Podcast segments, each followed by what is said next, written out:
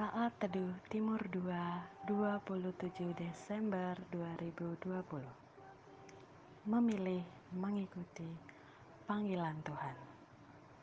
Matius 1 ayat 21 Ia akan melahirkan anak laki-laki dan engkau akan menamakan dia Yesus karena dialah yang akan menyelamatkan umatnya dari dosa mereka.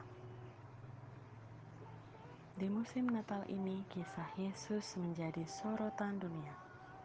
Meski selama masa pandemi ini kita masih sangat terbatas untuk beribadah di gedung gereja, tapi kita bisa melihat dan mengakses dengan mudah di media-media elektronik secara online. Bila kita simak kembali, tujuan Yesus datang ke dunia hanya satu, untuk menyelamatkan saudara dan saya dari dosa.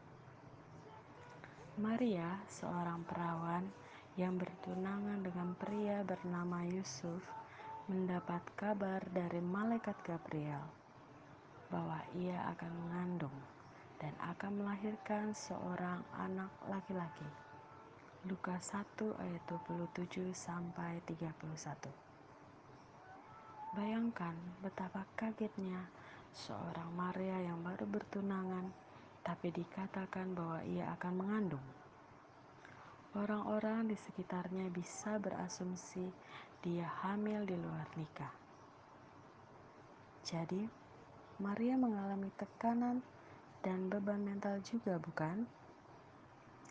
Ada pertanyaan Maria kepada malaikat dalam Lukas 1 ayat 34. Bagaimana mungkin terjadi karena aku belum bersuami?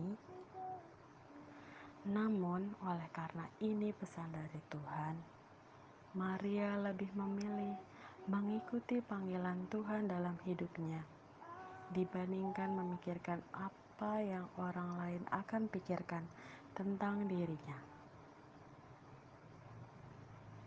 Semoga di musim Natal ini kita bisa belajar seperti Maria. Mari saudara dan saudariku dalam Tuhan, kita memilih untuk tetap terus mengikuti panggilan Tuhan dalam hidup kita. Apa pun tantangan dan resikonya, sampai Tuhan mendapati kita adalah hamba yang baik dan setia. Amin. Selamat hari Minggu, Tuhan Yesus memberkati.